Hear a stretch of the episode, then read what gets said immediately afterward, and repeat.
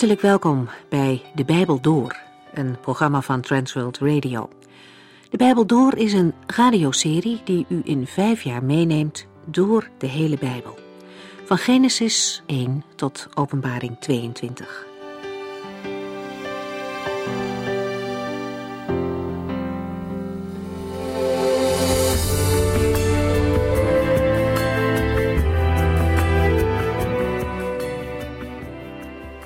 Vandaag lezen we de eerste verse uit het Bijbelboek Zefania.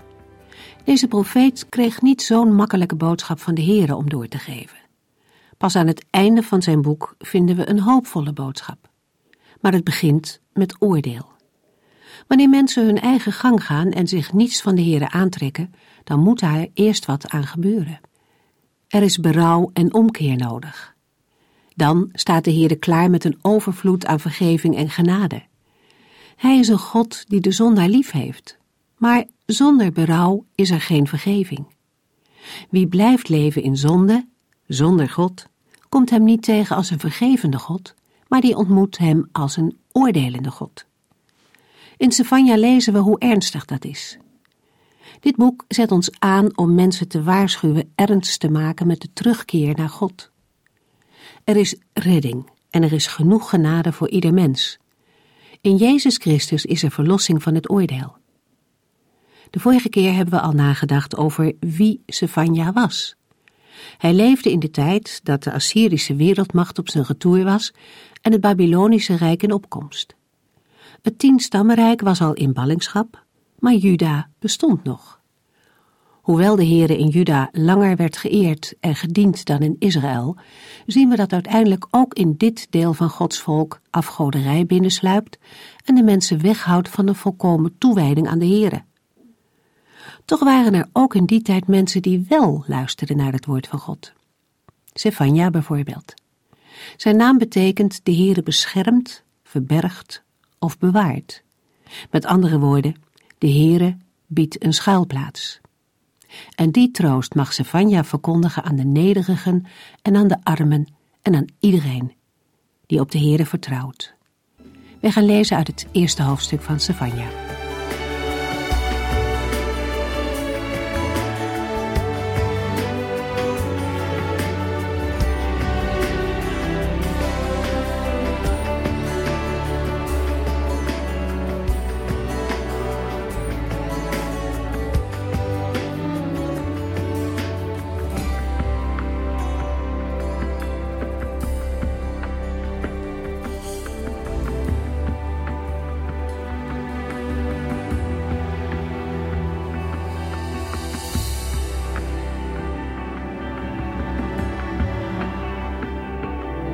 In de vorige uitzending zagen we al dat Sefania een profeet in Juda was onder het koningschap van koning Josia van Juda.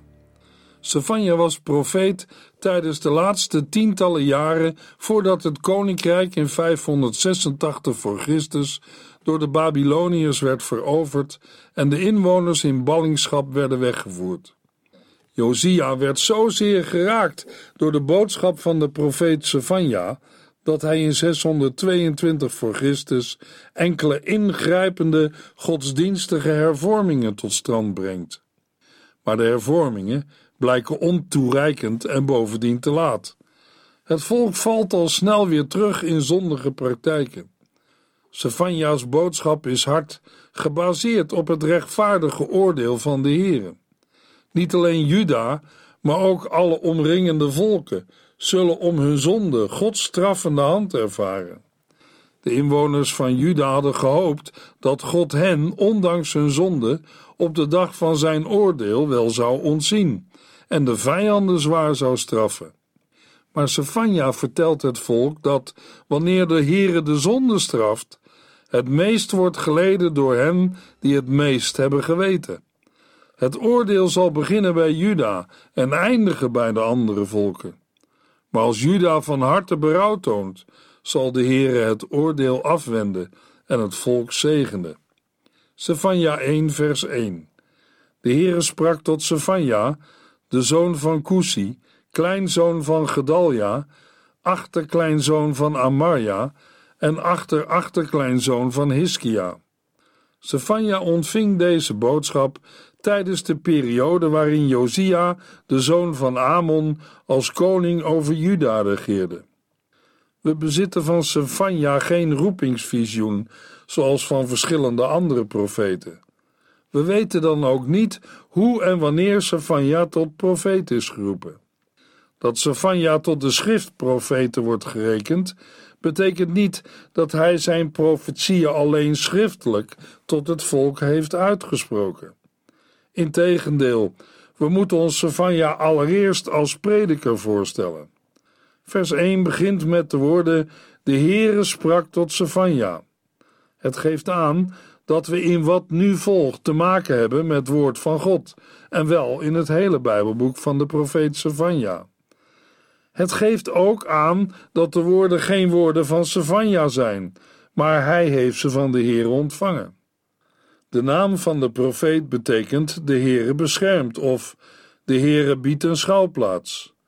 De troost die in zijn naam verscholen zit, mag de profeet verkondigen aan de nederigen en armen die te midden van alle verschikkingen in ootmoed op de Heere blijven vertrouwen.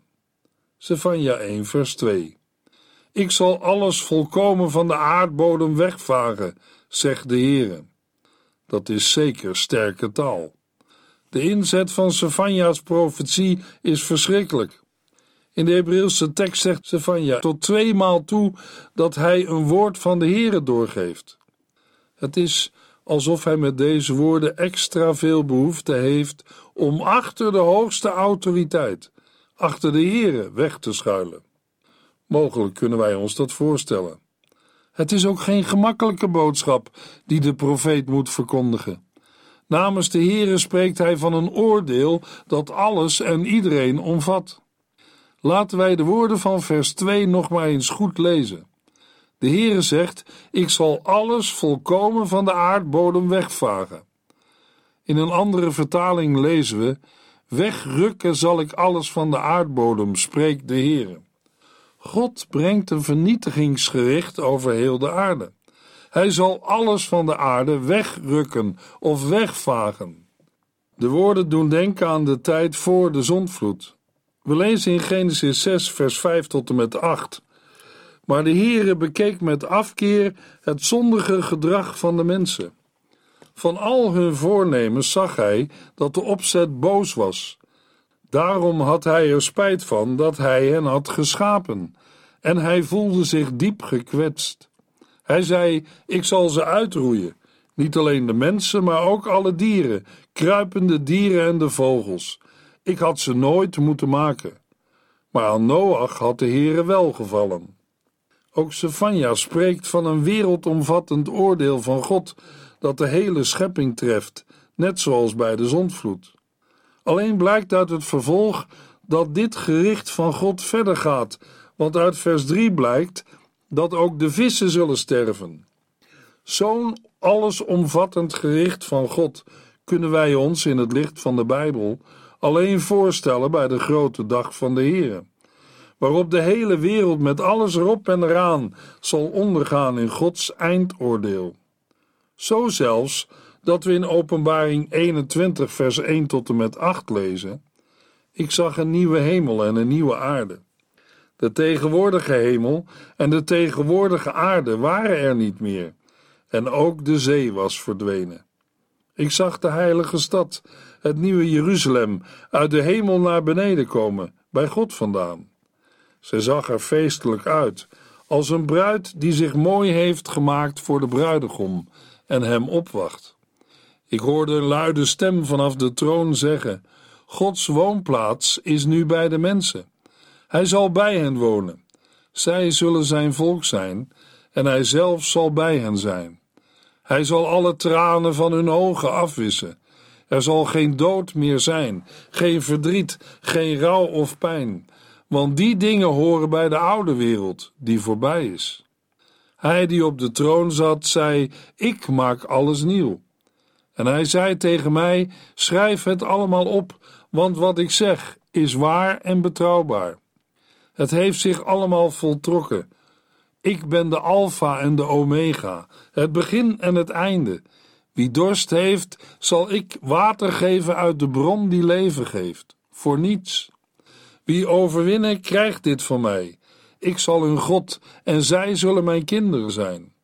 Maar lafaards, trouwelozen, verdorvenen, moordenaars, mensen die ontucht plegen, tovenaars, afgodendienaars en bedriegers, staat wat anders te wachten. Het brandende zwavelmeer, de tweede dood. En over de tweede dood lezen we in Openbaring 20, vers 14 en 15. Het graf en het dodenrijk werden in de poel van vuur gegooid. Dat is de tweede dood. Als iemands naam niet in het levensboek stond, werd hij in de poel van vuur gegooid. En over het levensboek lezen we in Openbaring 3, vers 5, waar de Heer Jezus zegt: Wie overwint, zal dus witte kleren aankrijgen. Ik zal zijn naam niet schrappen uit het boek waarin de mensen vermeld staan die het eeuwige leven hebben, maar voor mijn Vader en zijn engelen verklaren dat hij bij mij hoort. Meer over het levensboek is te lezen in Openbaring 13, 17 en 20. Ook Sefania spreekt van een wereldomvattend oordeel dat de hele schepping treft, zoals dat ook in de zondvloed het geval was. Sefania 1 vers 3 Mens en dier zullen verdwijnen, vogels en vissen zullen sterven. Ook de goddelozen en alle afgodsbeelden die zij aanbidden, zal ik uitroeien, zegt de Heere. In een andere Bijbelvertaling lezen we: Ik zal wegvagen mens en dier. Ik zal wegvagen het gevogelte des hemels en de vissen der zee en de ergernissen met de goddelozen. Ja, ik zal de mensen van de aardbodem uitroeien, luidt het woord van de Heere. Uit de woorden van vers 2 en 3 wordt duidelijk dat de grote dag van de Heer een dag zal zijn die betrekking heeft op de totale ondergang van de hele wereld. Een boodschap die we bij de profeten voor Sefania nog niet hebben gehoord. De profetie van Sefania heeft als hoofdinhoud de nadering van de grote dag van de Heer. Sefania schildert de grote dag van de Heere als een dag van wereldgericht en wereldcatastrofe, waarbij ook het oordeel over het tweestammenrijk Juda voltrokken zal worden. Een oordeel dat zij om hun zonde en ongehoorzaamheid ook hadden verdiend. In het vervolg zullen we ook zien dat Gods oordeel alleen door bekering nog is te keren. Maar daarvan was bij Juda geen sprake. Wel lezen we bij Sefania over nederigen die de Heere gehoorzamen. En dat de Heere zegt, en ik zal de zwakken en hulpbehoevenden verlossen en bijeenbrengen wie uit elkaar waren gejaagd. Het zijn beloften die troostend en bemoedigend zijn voor de overgebleven rest. Een ellendig en gering volk dat door het gericht heen door de Heere zal worden gered en dat voor God de kiem is van een nieuw volk Israël. Voor de meeste Israëlieten was de boodschap van Sefania een schok. Zij hadden de verwachting dat God de wereld zou oordelen en zijn volk Israël zou ontzien. Dat het hier wel degelijk om de inwoners van Juda en Jeruzalem gaat, blijkt uit de woorden: Ook de goddelozen en alle afgodsbeelden die zij aanbidden, zal ik uitroeien. Met het woordje zij worden wel degelijk Israëlieten bedoeld. Officieel werd de dienst van de Heeren niet verlogend. Er werd gezworen bij de Heeren en bij Moloch, de als koning aangesproken Baal van de hemel. De profeet komt ook opzettelijk terug op de mensen voor wie het oordeel eigenlijk geldt en noemt dan met name de goddelozen. Ook uit Sefania 3 blijkt dat het oordeel het volk Israël niet voorbij gaat. We lezen in Sefania 3 vers 1 en 2 Wee Jeruzalem, die ongehoorzame zondige stad, vol misdaad en geweld. Zij wil naar niemand luisteren en weigert te worden terechtgewezen. Zij vertrouwt niet op de Heere en zoekt haar God niet. We lezen het ook al in Sefania 1 vers 4. Ik zal Juda en Jeruzalem onder mijn vuist verbrijzelen en de Baalvereerders tot de laatste man uitroeien. Ik zal alle afgodendienaars en hun priesters om het leven brengen, zodat zelfs de herinnering aan hen zal vergaan. Tijdens de regering van de goddeloze koning Manasse van Juda was de verering van Baal in het volksleven van Israël algemeen doorgedrongen. We lezen over hem in 2 Koningen 21, vers 1 tot en met 17. Manasse, de nieuwe koning van Juda, was bij zijn troonsbestijging twaalf jaar. De duur van zijn bewind vanuit Jeruzalem was 55 jaar. De naam van zijn moeder was Shefziba. Zijn bewind was goddeloos. Hij deed dezelfde goddeloze dingen die de volken hadden gedaan, die door de Heer uit het land waren verdreven, om plaats te maken voor het volk Israël. Hij herbouwde de altaren op de heuvels die zijn vader Hiskia had afgebroken. Hij bouwde altaren voor Baal en plaatste een afgodsbeeld van Asherah, net zoals koning Agab van Israël had gedaan. Heidense altaren voor de zonnegod, de maangod en de sterrengoden werden zelfs in de twee binnenhoven van de tempel van de Heren neergezet, in het gebouw dat de Heere had uitgekozen om er zijn naam mee te verbinden. Zelfs offerde hij een van zijn eigen zonen als brandoffer op een heidens altaar. Hij hield zich bezig met zwarte magie, waarzeggerij, dode bezwering en toverij. In Gods ogen was Manasse een goddeloze man. En hij riep dan ook de toorn van de Heer op. Manasse ging zelfs zo ver dat hij een afgodsbeeld van Asherah in de tempel liet zetten. De plaats waarover de Heere tegen David en Salomo had gezegd: Ik zal mijn naam voor altijd aan deze tempel verbinden en aan Jeruzalem, de stad die ik heb gekozen uit alle andere steden van de stammen van Israël. Als de Israëlieten leven volgens alle wetten en gedragsregels die ik hun door Mozes gaf, zal ik ervoor zorgen dat zij dit land van hun vaderen nooit meer hoeven te verlaten. Maar het volk luisterde niet naar de Heere. En Manasse zorgde ervoor dat zijn onderdanen nog meer goddeloze dingen deden dan de volken rondom ooit hadden gedaan. Ook al had de Heere die volken uitgeroeid om hun goddeloosheid, toen het volk Israël het land binnenkwam.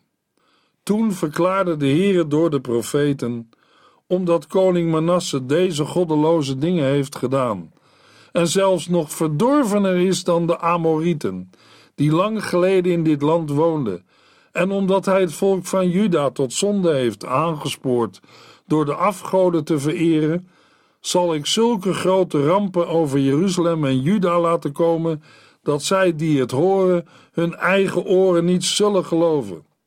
Ik zal ervoor zorgen dat Jeruzalem hetzelfde lot zal ondergaan als Samaria en het huis van Agab. Ik zal Jeruzalem leegschrapen, zoals een man zijn bord leegschraapt, om het daarna omgekeerd op tafel te leggen om te drogen. Dan zal ik de weinigen die van mijn volk zijn overgebleven, de rug toekeren en uitleveren aan roofzuchtige vijanden. Want zij hebben zich goddeloos gedragen en mijn toorn opgewekt, al sinds ik hun voorouders uit Egypte bevrijdde alsof de door God gehate afgoderij, waarin Manasse zijn onderdanen voorging, nog niet genoeg was, vermoordde hij ook nog talloze onschuldige mensen. Jeruzalem was van de ene tot de andere kant overdekt met de lijken van zijn slachtoffers. De rest van de geschiedenis van Manasses zondige bewind staat beschreven in de kronieken van de koningen van Juda. De Heere zegt in Sefania 1 vers 4 ik zal Juda en Jeruzalem onder mijn vuist verbrijzelen en de Baal-vereerders tot de laatste man uitroeien. Ik zal alle afgodendienaars en hun priesters om het leven brengen, zodat zelfs de herinnering aan hen zal vergaan. De Israëlieten hebben de Heer op het hart getrapt en Gods verbond met hen gebroken. Dan treden de sancties op overtreding in werking. In een andere Bijbelvertaling lezen we in vers 4: Ik zal mijn hand uitstrekken tegen Juda en tegen alle inwoners van Jeruzalem. En ik zal uit deze plaats uitroeien het overblijfsel van Baal en de naam van de afgodendienaren met de priesters. Wat we al lazen in de tien geboden in Exodus 20 zien we ook hier gebeuren. In Exodus 20 vers 2 tot en met 6 zei de Heere tegen zijn volk Israël: Ik ben de Heere uw God, die u uit de slavernij in Egypte heeft bevrijd. U mag geen andere goden aanbidden dan mij. U mag geen beelden of afbeelding maken van wat boven in de hemel of beneden op de aarde, noch van wat in de wateren onder de aarde is. U mag niet voor dergelijke beelden neerknielen of deze vereren, want ik, de Heere, ben een jaloerse God, die de zonden van de vaders toerekent aan de kinderen, kleinkinderen en achterkleinkinderen van hen die mij haten. Maar ik ben liefdevol voor hen die van mij houden en mijn wetten gehoorzamen. Sefania 1 vers 5 Ook hen die op hun platte daken klimmen en zich daar buigen voor de zon, de maan en de sterren. Ook hen zal ik vernietigen, die zogenaamd de Heere volgen, maar tegelijkertijd Milkom vereren. Blijkbaar vond de verering van de hemellichamen, zon, maan en sterren, bij voorkeur op de daken van de huizen plaats. Deze afgoderij had onder de regering van de goddeloze koning Manasse van Juda grote omvang aangenomen. In vers 5 wordt de beschrijving van Israëls dienen van de afgoden verder beschreven. Ook in Jeremia 19 lezen we over deze goddeloze praktijken. De Heere zegt in Jeremia 19 vers 13: Ik zal alle huizen in Jeruzalem verontreinigen, ook het paleis van de koningen van Juda, overal waarop de daken werd geofferd aan de sterren en waar drankoffers werden uitgegoten voor andere afgoden.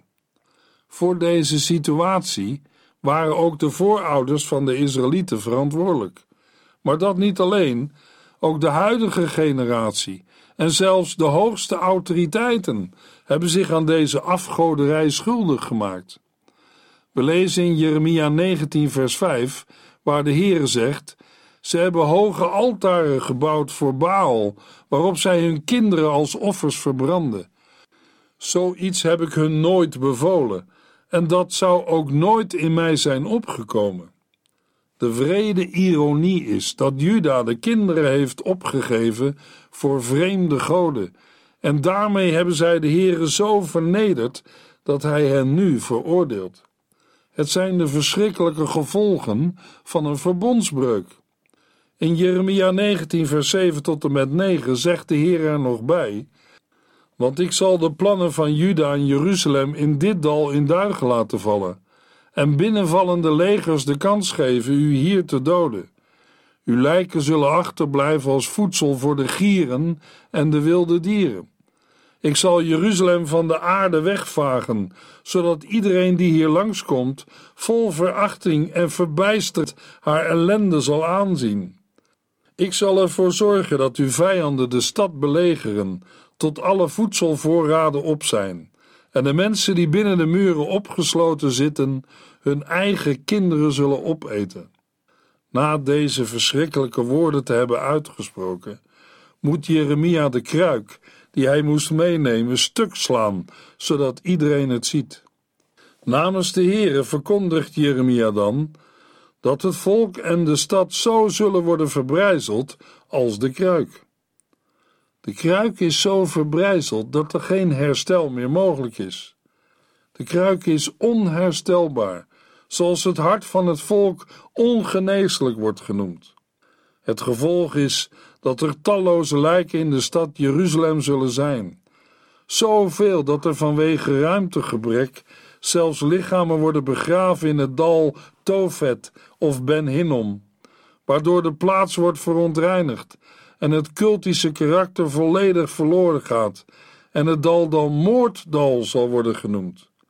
En in Jeremia 19 vers 15 lezen we De Heere van de hemelse legers, de God van Israël zegt over deze stad en al de haar omringende steden zal ik alle rampen brengen die ik ooit heb aangekondigd, want u hebt koppig geweigerd naar mij te luisteren.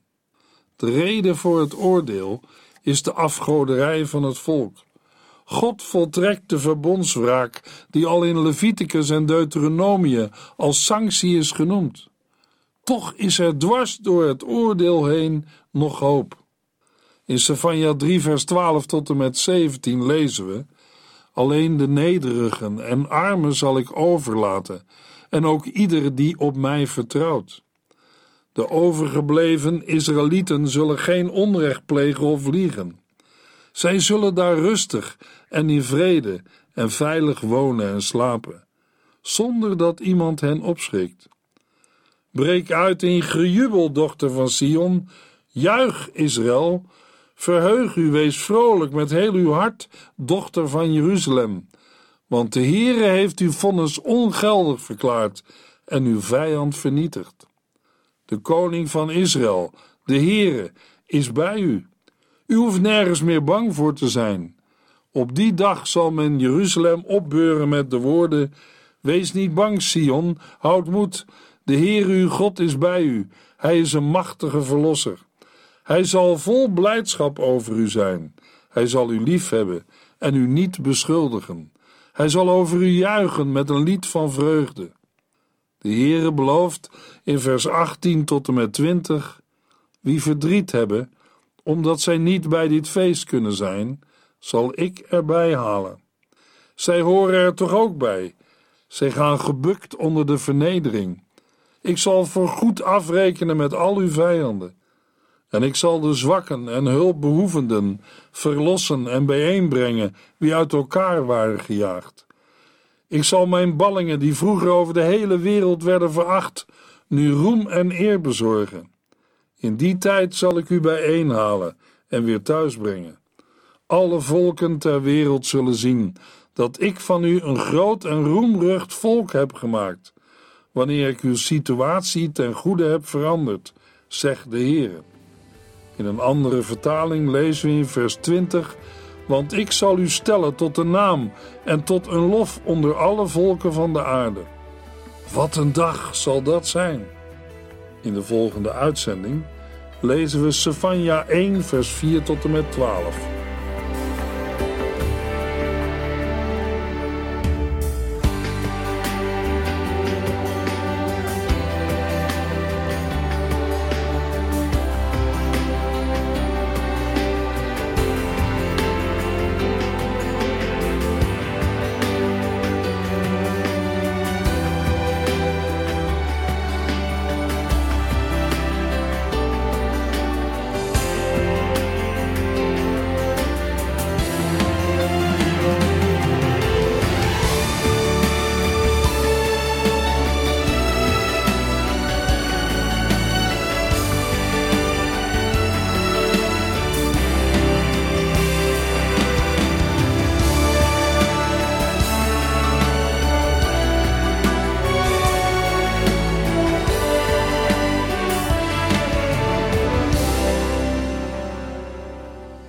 Geluisterd naar De Bijbel Door.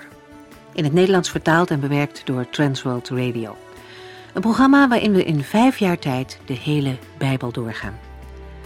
Als u wilt reageren op deze uitzending of u heeft vragen, dan kunt u contact met ons opnemen. Tijdens kantooruren kunt u bellen op 0342 47 8432. 0342 47 8432. 32. Ook kunt u een e-mail sturen naar de Bijbel transworldradio.nl en natuurlijk kunt u ook via de post ons bereiken. TWR, postbus 371, postcode 3770, AJ in Barneveld. Dit programma werd gepresenteerd door Corweda en Ike André. Techniek was in handen van Odin van Woerdenkom. En namens ons allemaal bedanken we u van harte voor het luisteren.